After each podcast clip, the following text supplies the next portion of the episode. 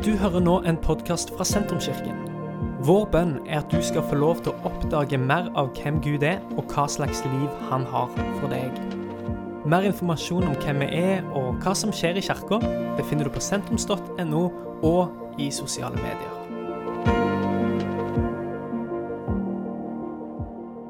Vi er inne i en serie denne høsten eh, som handler om hvem Gud er. Der vi ser på Gud og ser eh, hvem Egentlig hvordan vi beskriver Gud, og hvem Gud er. Og ser på hvordan det påvirker både oss sjøl og andre rundt. Et rett bilde av Gud er viktig for å ha et rett bilde av oss sjøl og for å ha et rett bilde av andre rundt oss, og et rett bilde av verden som vi lever i. Måten vi ser Gud, påvirker livet vårt og forholdet til andre mennesker, og det påvirker òg selvsagt forholdet vårt til Gud. Eh, og nå når det begynner å nærme seg jul, så er det jo veldig naturlig at vi penser dette her fokuset over på eh, et rett bilde av Gud. Det handler òg om å ha et rett bilde av Jesus. Hvem er egentlig Jesus? Hvordan skal vi se Jesus? Hvordan skal vi forstå Jesus? Hvordan skal vi forholde oss til Jesus?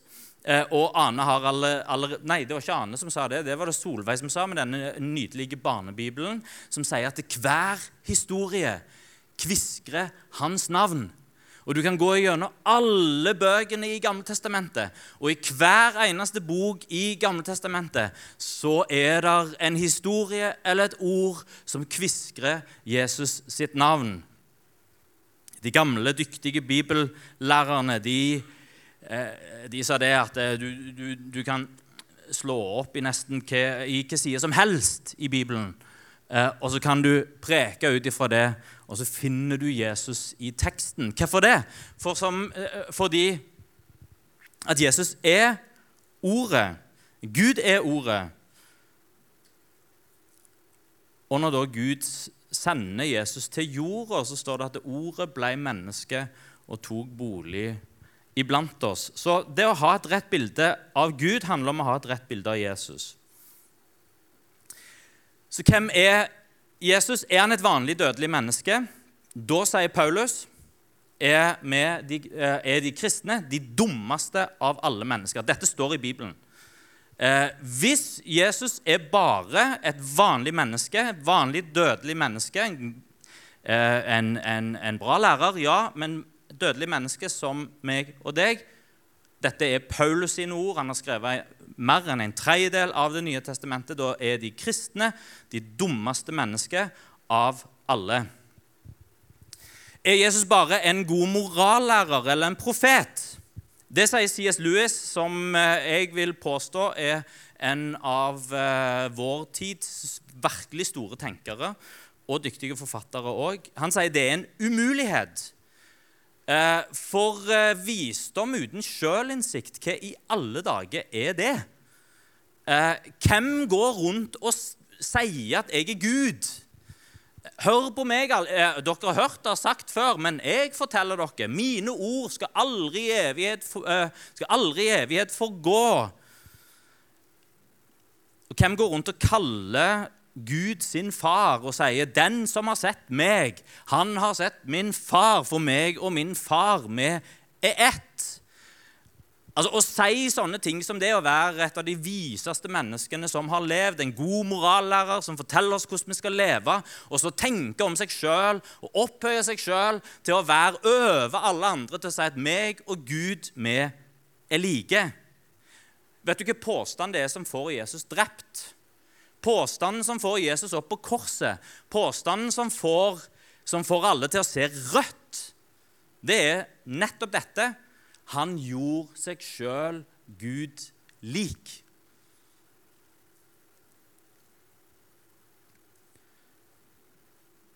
Det er ikke veldig vist hvis det ikke er sant. Og det er ikke særlig godt hvis det ikke er sant. Et, men et menneske som sier sånt, og som tror det er sant, men det ikke er sant, lever i et sjølbedrag og er kanskje gal. Et menneske som sier noe sånt, og som vet det ikke er sant, er en bedrager og en svindler. Kan en bedrager og svindler eller gal mann være morallæreren og livsfilosofen som hele den vestlige sivilisasjonen er bygd på? Ja, kanskje. Jeg tror ikke det. Så er det jo de som sier det som Jesus sier om seg sjøl i evangeliene, fabrikkert. Er evangelien til, egentlig til å stole på? Hvordan kan vi stole på en 2000 år gammel tekst? Hva om Jesus ikke var sånn som han framstilles i evangelien? Hva om det som står der, aldri ble sagt? Hva om det er feil? Og På dette feltet så blir historikere og forskere mer og mer konservative som året går. Hvorfor? Jo, fordi en oppdager stadig nye fragmenter av gamle, eldgamle manuskripter. De eldste manuskriptene en har nå fra, av evangeliene, det, det eldste, er, er, et lite fragment fra eh, Johannesevangeliet, som er fra eh, helt i begynnelsen av det andre århundret, altså år 100.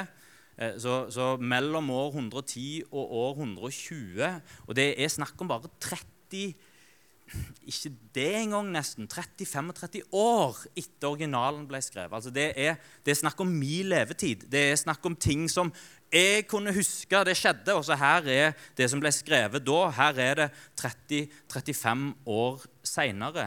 Vi har et hav av bevarte tekster av manuskriptene til evangeliene og til Nytestamentet. Så mange og så sammenfallende at vi kan være trygge. Det vi leser, er det som ble skrevet. Og det for, for hver eldre manuskript som en finner, og så ser en jo, men det stemmer jo med de som en har ifra før av. Og Jeg hørte en av de fremste ekspertene på eh, Eller jeg hørte han vel ikke, jeg må passe på som ikke sier noe som ikke er sant her, men jeg leste han. Eh, som er en av de fremste ekspertene i Norge, og kanskje internasjonalt òg en av bibeloversetterne i Bibelselskapet, som, som sier det at når du finner et lite fragment fra en tekst, eh, og du, eh, selv om det bare er noen få ord som, som, som du finner i det fragmentet Hvis du, hvis du ser at ja, men de, de ordene de passer jo, det er jo likt da, da, sa han, da, det, da, kan du nesten med full sikkerhet vite Det er akkurat som eh, ei marsipankake. Så tar du et bitte, bitte lite stykke av marsipankaka, og så, eh, hvis du, ja, det er marsipan, så vet du at hele marsipankaka eh, som stykket kommer fra, det er marsipankake. Sånn, sånn sier han at en forholder seg til disse fragmentene. Hvis det som står i det lille fragmentet, stemmer med det en har fra før av, så er sannsynligheten ekstremt stor for at resten òg stemmer.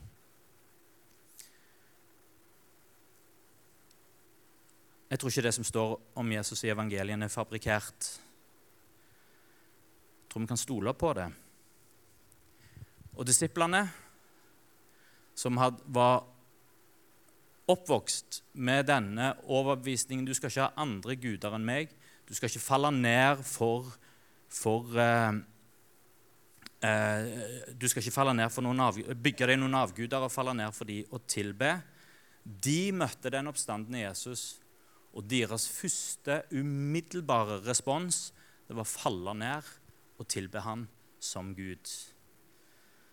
Paulus møtte den oppstandende Jesus, og han gir resten av sitt liv i tjeneste for han. Og siden da så er det millioner av mennesker, og fortsatt i dag, som, sier, som ber til Jesus, og som får svar og som, som, som, har hatt, om ikke den samme dramatiske opplevelsen som Paulus har hatt, men som har møtt den oppstandende Jesus, og som kan si han lever, han er virkelig. Og hvem er han? Jesus sjøl sier i Johannes 14, 7-9.: Hadde dere kjent meg, så hadde dere òg kjent min far. Og fra nå av kjenner dere han og har sett han. Philip sier da til Jesus, Herre, vis oss Faderen, og det er nok for oss. Jesus sier til han, 'Så lang en tid har jeg vært hos dere, og du kjenner meg ikke, Philip.' 'Den som har sett meg, har sett Faderen.' Har du sett Jesus, har du forstått hvem Jesus er, da har du forstått hvem Gud er. For eh, Jesus og Gud er ett. Jesus er fullt menneske og fullt Gud. To ting som begge er sant samtidig. Gud er sola. Jesus er lyset som kommer ifra sola. og Da kan vi også si at Den hellige ånd, som òg er en del av den treenige Gud, er varmen som kommer ifra sola, og som vi kan føle og kjenne på kroppen. Og I julen nå, og vi har hørt det i dag òg, så hører vi at Jesus kommer til verden som lys, og at han er lyset ifra Gud. Og Da skal vi lese denne juleteksten som er, som er, forholds, som er forholdsvis kjent, og som er fra Jesajas 9, 2-7. Det folk som vandrer i mørket, får se et stort lys. Over de som bor i skyggeland, stråler lyset fram. Du lar det juble høyt og gjør gleden stor. De gleder seg for ditt åsyn som en gleder seg i kornhøsten, som en jubler når I alle dager Her har jeg eh, Her har jeg tøysa med, eh, med jubla når Herland skiftes. Jo, det må det være. For åket som tynger folket, Stangen over nakken på det og staven som driveren brukte, har du brutt i stykker som på Midians dag. Ja, hver støvel som er trampet i stridsgny, og hver kappe som er tilsølt med blod, skal brennes opp og bli til føde for ilden. For et barn er oss født, en sønn er oss gitt. Herreveldet er lagt på hans skuldre, og hans navn skal være underfull rådgiver, veldig Gud, evig far og fredsfyrste. Så skal herreveldet bli stort og freden uten ende over Davids trone og hans kongerike. Han skal gjøre det fast og holde det oppe ved rett og rettferdighet fra nå og til evig tid. Herren, allherrs Gud, skal gjøre dette i sin brennende iver. Denne teksten svarer på hvem Jesus er, men òg hva det betyr for oss hvem Jesus er. At han er lys, at han er herre, hva navnet hans betyr for oss. Han er veldig Gud, han er rådgiver, han er fredsfyrste, eh, og han er far. Han er lyset som skinner i mørket, og det er mitt første poeng her. Lyset trengs der det er mørkt. Egentlig er det vel sånn at mørket er vel egentlig ikke noe i seg sjøl.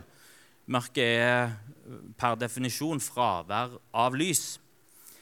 Eh, men eh, det er når det er mørkt, at du tenker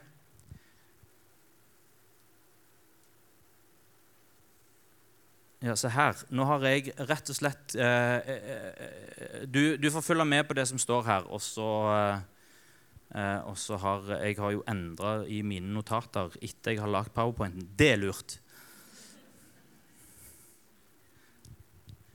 Lyset trengs i mørket. Eh, det er først når vi forstår at det er mørkt, at det er aktuelt med lys. Eh, og, eh, og det er noe av det som kjennetegner historien. Når du, når du leser historie, så, så ser en at den kan være mørk. Eh, og Det ser vi ikke bare gjennom historien. En ser det når eh, lovene forsvinner, når forordningene og rammene for, eh, er, er, vekke, når de plutselig ser ut til å opphøre. Det skjer av og til i katastrofer, når det er oversvømmelser, når det er eh, svære jordskjelv. Eh, en har sett det flere ganger i USA, men ikke bare der. Eh, når, der når, når alt plutselig er kaos så er det akkurat som en ser det i krig, ikke minst. Det er akkurat som lovene opphører. Og så er det hver mann for seg og hver dame for seg. Eh, og da plutselig så er det fritt fram, og folk går inn til andre og stjeler på TV-er og går inn i garasjen og tar med seg det de har lyst til, og, og, og bare oppfører seg og gjør akkurat det som Fordi en tenker nå er på en måte alt kaos. Ingen kommer til å få med seg at jeg gjør dette, eh, så det blir ingen konsekvenser. Eh, og, så, og så gjør en bare det som en har eh, lyst til. og mange deler av verdenshistorien er mørke, nettopp fordi at opplevelsen av samfunnet er sånn. Det fins et mørke i samfunnet. Til og med de mest perfekte samfunn har mørke kroker. Til og med det norske samfunnet har kroker av vårt samfunn som er mørkt, der eh, lys ikke får skinne, der godhet ikke får plass, der egoisme, urettferdighet, maktmisbruk, materialisme, begjær Der disse tingene får fritt spillerom, eh, og der blir det mørkt. All lov og all politikk må ta høyde for at det fins et mørke i mennesket. Hvis det fins en måte å misbruke en lov på, da kan vi være trygge på at det er noen som kommer til å gjøre akkurat det. Våre impulser og våre begjær og ønsker de kan ikke være i fri flyt, for da blir det mørkt.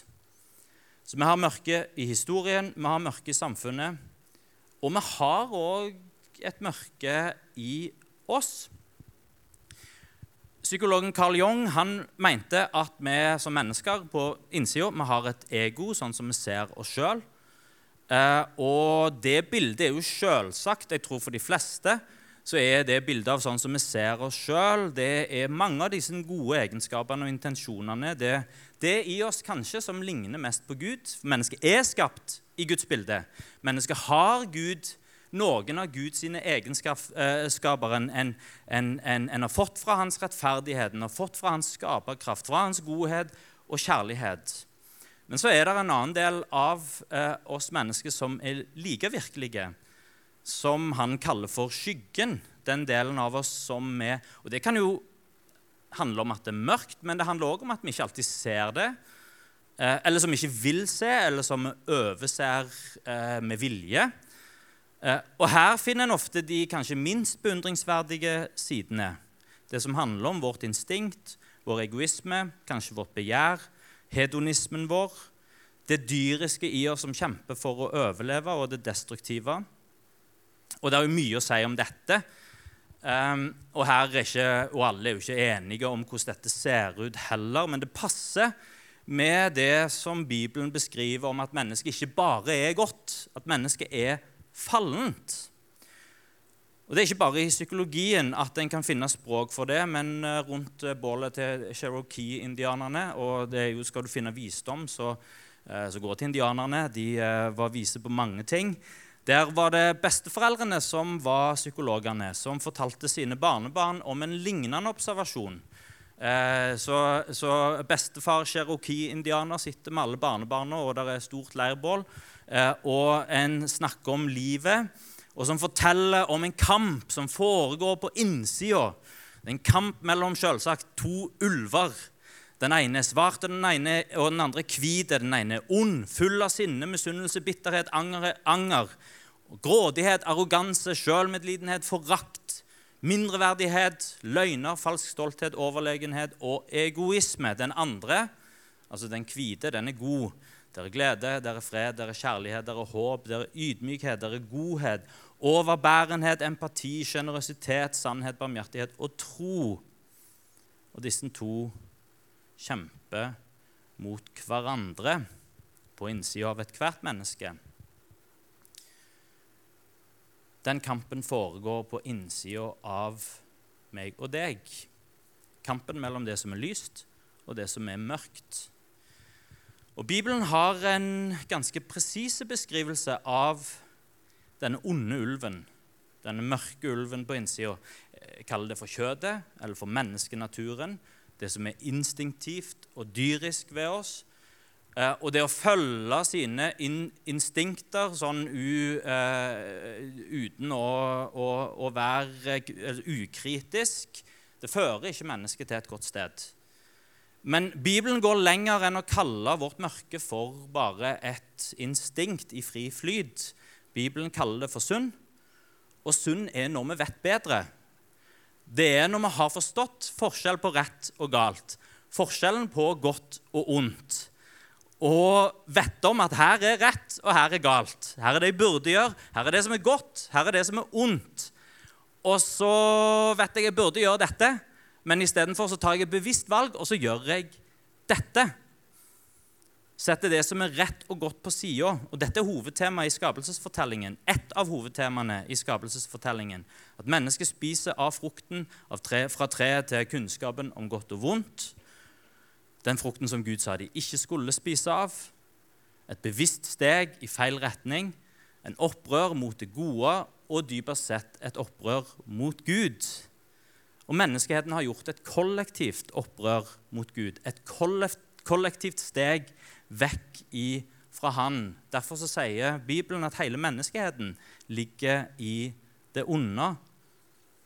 Både en, en, en, en følger sitt begjær, og en velger bevisst bort det som er rett. Da blir det mørkt, og vi trenger lys. Og du kan bare Ja, og du kan gå på nummer to. Jesus er lyset som skinner i mørket. Det er det som denne teksten fra Jesaja, denne profetien, sier. Det folket som vandrer i mørket, skal se et stort lys. Mørket har kommet inn i historien pga. menneskets steg vekk fra Gud. Og da kommer lyset utenifra. Lyset kommer fra Gud, og lyset er Gud. Og det er han som lyser opp verden ved å la Jesus trø inn i verden. Gud sjøl trør inn i historien. En av de store kvinnelige forfatterne fra 1800-tallet, britiske eh, forfatterne fra 1800-tallet, Dorothy Sayers, var blant de første kvinnene som fikk eh, utdannelse fra, som tok høyere utdannelse. En av de første, om ikke den første, som ble uteksaminert fra Oxford. Uh, hun ble kjent bl.a.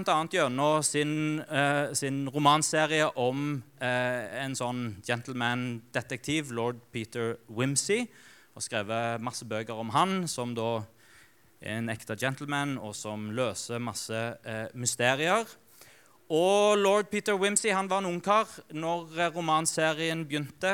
Og Dorothy Sayers blir jo glad i denne her karakteren som hun har skapt. Eh, og syns jo etter hvert som romanserien går og trer fram, at det er så trist at lord Peter Wimsey er aleine. Og hun føler vel òg at, at hans, hennes karakter begynner å bli litt ensomme. Dermed så bestemmer hun seg for oss å skrive ei dame inn i historien. Og Harriet Wayne dukker, dukker da opp i lord Peter Wimsey sitt liv. Formålet til forfatteren var selvsagt å redde lord Peter Wimsey fra hans ensomhet. Og Harriet Wayne, denne kvinnelige karakteren som da dukker opp, eh, minner jo mistenkelig mye på forfatteren sjøl. Eh, høyt intellektuelle, selvstendige damer som var en av de første fra Storbritannia med universitetsutdannelse. Og både familie og venner og fanbase de smiler og ser at Dorothy Sayers har skrevet seg sjøl inn i historien for å redde karakteren som hun har blitt glad i, fra sin ensomhet. Om det var hennes intensjon eller ikke, så er det uansett et vakkert bilde på at Gud har skrevet historien som vi trør inn i.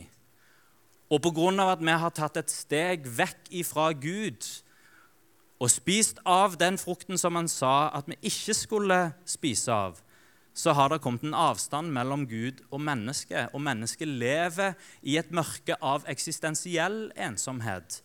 Der en føler der, der må være noe mer til livet enn bare dette. Der må være noe der ute. En går og kjenner, Til og med Det er ikke bare ensomme mennesker som kjenner på ensomhet. Til og med de som har fulgt opp med familie og venner rundt seg, kan kjenne på en eksistensiell ensomhet. At det må være noe mer. Og Gud, forfatteren av universet, skriver da seg sjøl inn i historien gjennom Jesus Kristus. Og skriver seg sjøl inn i historien for å redde menneskeheten fra sin ensomhet og sitt mørke. Johannes skriver i sitt evangelium om Jesus Han skriver poetisk og peker tilbake på ordene fra Jesaja. Lyset skinner i mørket, og mørket tok ikke imot det. Videre. Det sanne lys som opplyser hvert menneske, var i ferd med å komme til verden. Han var i verden, og verden er blitt til med han. Og verden kjente han ikke, men alle som tok imot han, de ga han rett til å bli Guds barn, de som tror på hans navn. Jesus skinner i mørket. Mørket tar ikke imot. Med andre ord så er det alltid mange som ikke vil ha det som Jesus tilbyr. Men alle som tar imot, lover denne teksten fra Johannes oss.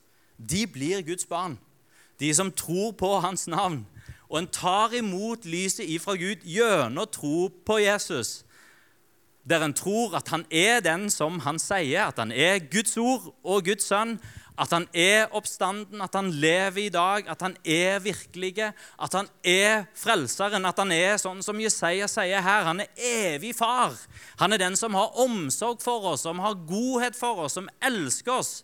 Uavhengig av hva en har gjort, og hvor en er hen. Han er fredsfyrsten som kommer med fred, som kommer med fred i oss, og som kommer med fred til situasjonen vår, og som vil gi fred iblant oss.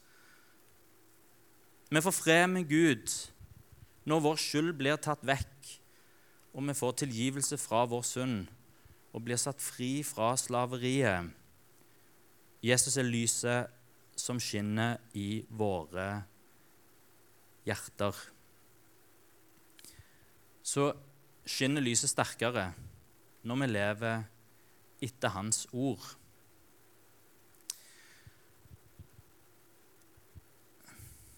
Jeg vet ikke om dette bildet holder, men eh, mennesket er kanskje litt som en måne. Altså, En kan jo se på månen når det er fullmåne, og så kan en tenke at månen har eh, der, er, der er lys som kommer fra månen. Noen ganger med fullmåne så, der, så kan det faktisk være så lyst at du kan du, Jeg har gått på hytta.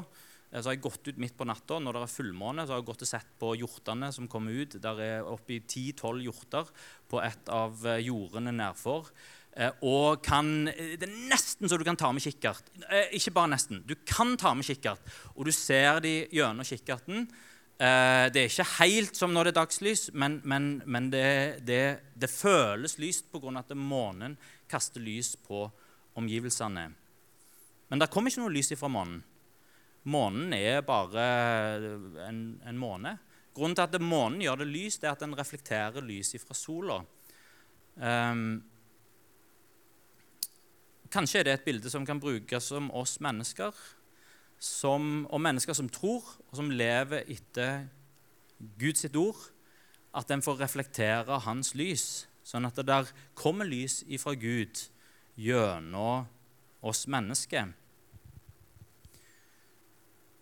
står her om Jesus at han er ikke bare lys, han er veldig Gud, og han er underfull rådgiver. Og herreveldet er lagt på hans skuldre. Jesus er Gud, og han er aktivt interessert i mennesker sitt liv. Han gir mennesker råd. Han er underfull rådgiver. Han gir retning, han leder, han viser, han viser vei, han har en plan, han mener noe om livet ditt og han har en vei for deg. Jesus sier at smal er den vei som leder til livet, og få er det som finner han. Og hva er det egentlig som menes med det? Uh, betyr det at veien til frelse er smal? Det passer jo egentlig ikke helt med det som står i Johannes der, at alle som tok imot ham, ga han rett til å bli Guds barn, de som tror på hans navn, at vi kan ta imot frelsen og ta imot det lyset som kommer fra han gjennom tro på han. Er det det som menes, at det er så vanskelig å finne frelsen? Jesus sier dette om at eh, smal er den veien som leder til liv, og få er det som finner han. Det sier han i bergprekenen. Og i bergprekenen så meisler han ut livet til den som tror og kommer med, eh, med, med verdiene ifra Guds rike. Snakker om hvordan det er der Gud bestemmer. Forteller hvordan Guds rike fungerer. Forteller hvordan Gud ser verden, og hvordan verden ser ut ifra Guds perspektiv. Hvordan vi skal forholde oss til Gud, hvordan vi skal forholde oss til oss sjøl, og hvordan vi forholder oss til hverandre. Og det er et vanvittig høyt ideal. Eh, og når en leser bergpreken, så kan en være frista både den ene og den andre til å prøve å rive ned idealet og prøve å få det litt ned på jorda. Mente du virkelig dette? La oss senke lista litt lenger ned fra det som du legger her, Jesus. Men, men Jesus sier at eh, den, den er smale, denne stien, denne veien som leder til livet. Og hva er, hva er denne smale veien? Jesus begynner bergpreken med å si at en skal la lyset sitt skinne. Ikke sett lyset unna i bøtta, men, men, men sett det i en stake, sånn at uh, lyset får skinne for alle, sånn at alle kan se de gode gjerningene som dere gjør, og prise deres Far i himmelen. Å gjøre gode gjerninger, å leve etter Guds bud, å leve rett, følge rådene til den underfulle rådgiveren, det kaster lys over verden. Og det er å bevege seg på den smale veien som leder til, til, til livet. Og det er det som etterfølgere av Jesus har gjort i 2000 år. Jesus skrudde på lyset når han kom, og hans etterfølgere har fortsatt å kaste dette lyset ut over verden gjennom trofast å leve etter hans ord gjennom å gå på den smale veien, gjennom å følge hans råd, gjennom å gjøre etter hans ord. Eh, og lovsangsbandet kan komme opp og gjøre seg klar. Hvis vi går tilbake til leirbålet, bestefaren som sitter med sine indianerbarnebarn, eh, eh, som forteller om de to ulvene som kjemper på innsida av ethvert menneske, den hvite og den mørke, den, den, den, onde ulven og den gode ulven. Da, er jo selvsagt eh, Spørsmålet som kommer fra ethvert barnebarn, vil jo selvsagt være Ja, men bestefar, hvem, hvem er det som vinner? Eh, for det lurer en jo alltid på. Hvem er det som vinner? Og svaret er ganske smart. Bestefaren svarer jo 'den som vinner'. For det en skulle tenke, ja, men det er jo selvsagt den gode som vinner. Men så vet bestefaren fordi en er bestefar, og fordi en har levd lenge, og en vet at det, er vondt og godt i verden. Det er ikke alltid, alltid, alltid at det gode er det som, som overvinner. Så bestefaren sier det er den som jeg gir mest mat. Så den du fòrer, det blir den store. Og den store er den som vinner over den svake. Og så er jo det, Nå er ikke den historien i Bibelen, men eh, det er livsvisdom fra cherokee-indianere. Men kanskje har den noe å si til oss mennesker fortsatt. Og kanskje har den noe å si til den som tror. Gi mat til ditt indre menneske gi mat til lyset, eller ta bøtta vekk ifra lyset. La lyset få lov til å skinne. Gi rom for lyset. Gi rom for hans, at hans ord, at de underfulle rådene fra Gud, at de får lov å regjere i livet vårt. Fyll ikke på bare sånn uten å tenke med alt mulig greie. Hva er det av påfyllet? Hva hva er det påfyllet som vi får hele tida? Hva, hva, er det det fòrer på innsida? Gi mat til ditt indre menneske. Og hvordan gjør vi det? Jesus sier mennesket lever ikke bare av brød, men av hvert ord som kommer ut ifra Guds munn. Det står om Jesus at tidlig om morgenen mens det ennå var ganske mørkt, så sto han opp og gikk ut. Han dro bort til et øde sted, og så ba han der. I Jesaja så står det til Israels folk i stillhet og i tillit skal deres styrke være. At en kan la det lyset som kommer fra Gud, skinne gjennom livet vårt. Hvordan gjør en det? En, en fòrer sitt indre menneske. Finn et tidspunkt der du kan være stille, der du kan konsentrere deg på Gud, gi oppmerksomhet til Han, der du kan be, og der du kan lese Hans ord. Der du kan lytte til hva Han sier, være oppmerksomme Når du gjør det, så gir du mat til ditt indre menneske. Og Da blir Jesus ikke bare fredsførste og evig far, som tilgir oss vår synd, og som elsker oss ubetinga. Men da blir han veldig Gud og underfull rådgiver. Og når vi er lydige mot det som vi hører, lar lyset vinne, da skrur vi på lyset for omgivelsene våre. La livet reflektere hvem Jesus er. Vi tror på Han som er lyset, tar imot lyset og tar imot tilgivelsen som Han har å gi. Og så lever vi med Han som Herre. Og følger Hans råd og følger Hans ord. Og mater det indre mennesket. Kan vi reise oss?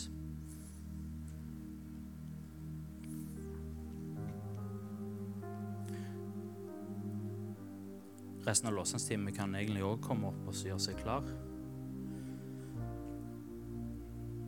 Vi skal straks synge en uh, vakker julesang sammen. Uh, og den handler om den, den, Denne julesangen her handler om at Jesus kom til jorda. Hva det betyr at Jesus er født i en stall, og alt det rundt hans uh, hans fødsel som er så unikt og som er så spesielt, og som gjør Jesus til den han er. Men så handler denne sangen om noe mer òg. Om en lengsel til at Jesus må du være født her inne. Jesus må lyset fra deg skinne, ikke bare på de andre, men må lyset fra deg skinne i livet mitt. Må jeg få erfare deg på innsida. Må du være fredsfyrsten som regjerer med din fred i mitt liv må du være evig far, som ikke bare er far for alle de andre, men som er far for meg. Denne lengselen som sier, 'Jesus, jeg vil følge på din vei. Jeg vil gjøre det du sier.' 'Jeg vil at du skal være herre, og at ditt ord regjerer i mitt liv.' Tenk om vi denne jula her kan løfte opp begge disse sidene. At Jesus han er evig far. Han er fredsfyrsten. Han kommer og fyller ditt liv med sin kjærlighet, med sin nåde, med sin frelse, sin tilgivelse og sin fred. Og så er han det levende ordet fra Gud. Det allmektige ordet fra Gud som det er kraft bak, og som vi kan ta tak i, og som vi kan bygge livet vårt på, og som vi kan leve etter, og som er med og sprer lys rundt oss. Vi kan lukke øynene våre, så, så ber vi sammen. Takk, Herre Jesus, at du er her. Takk at du er lyset fra Gud som skinner i våre hjerter, Herre, og som skinner i våre liv og i våre hjem, Herre. Herre Jesus, vi ønsker å ta imot det som du gir til oss. Takk at du er fredsførsten, takk at du er evig far, og takk at vi får kjenne deg som fred og som far. Og takk at ditt ord er sant. Takk at ditt ord kan vi stole på, Herre. Og Herre Jesus, vi ønsker denne julen å lytte til hva du sier, høre hva ditt ord er, og gjøre etter ditt ord. At ditt lys får lov å skinne i oss, og at ditt lys får lov til å skinne gjennom oss. Takk at du er her akkurat nå. Dette er slutten på denne podkastepisoden. Har du spørsmål om Jesus, om tro, om livet? Så er du hjertelig velkommen til å ta kontakt med oss via sentrums.no.